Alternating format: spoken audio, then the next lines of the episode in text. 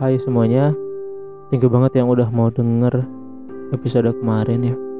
Walaupun emang sebenarnya gue ngerasa masih belum bisa ngasih impact besar, juga masih belum ada manfaatnya gitu. Di kesempatan kali ini gue mau ngebahas satu hal yang gue rasa penting banget dan gue ngerasa itu asik banget buat dibahas. Ya walaupun mungkin menurut teman-teman ini gak terlalu penting ya di episode kali ini gue mau ngomongin tentang superhero. Ini bukan superhero yang ada di film-film Spider-Man, Iron Man atau juga superhero-superhero lainnya.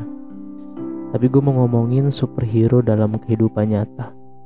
Karena gue yakin di dalam hidup kita masing-masing pasti pernah punya orang yang benar-benar berjasa. Entah itu keluarga, pasangan, guru, teman, atau mungkin juga orang-orang yang baru kita kenal.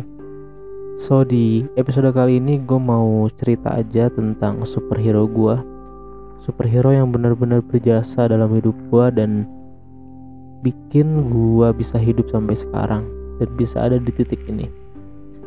Superhero gue adalah orang yang punya kekuatan hanya di setengah badannya yang bikin gue ada di titik sampai sekarang yang ngejelasin gue arti hidup tuh apa yang ngejelasin gue harus kayak gimana ngejalanin hidup dan ngejelasin gue posisi seorang laki-laki itu harus apa.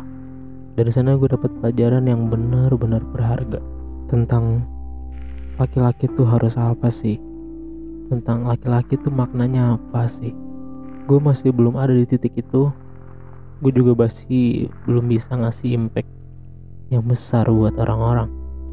Dan di podcast kali ini gue cuma mau bilang aja bahwa selagi jamnya masih berputar waktu itu akan selalu ada. Tergantung kita sebagai subjeknya yang mengatur itu semua. Manfaatkan waktu yang ada untuk superhero lo kapan pun itu dan di mana pun itu.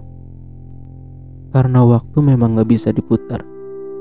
Tapi kita bisa putarin badan kita untuk waktu yang ada.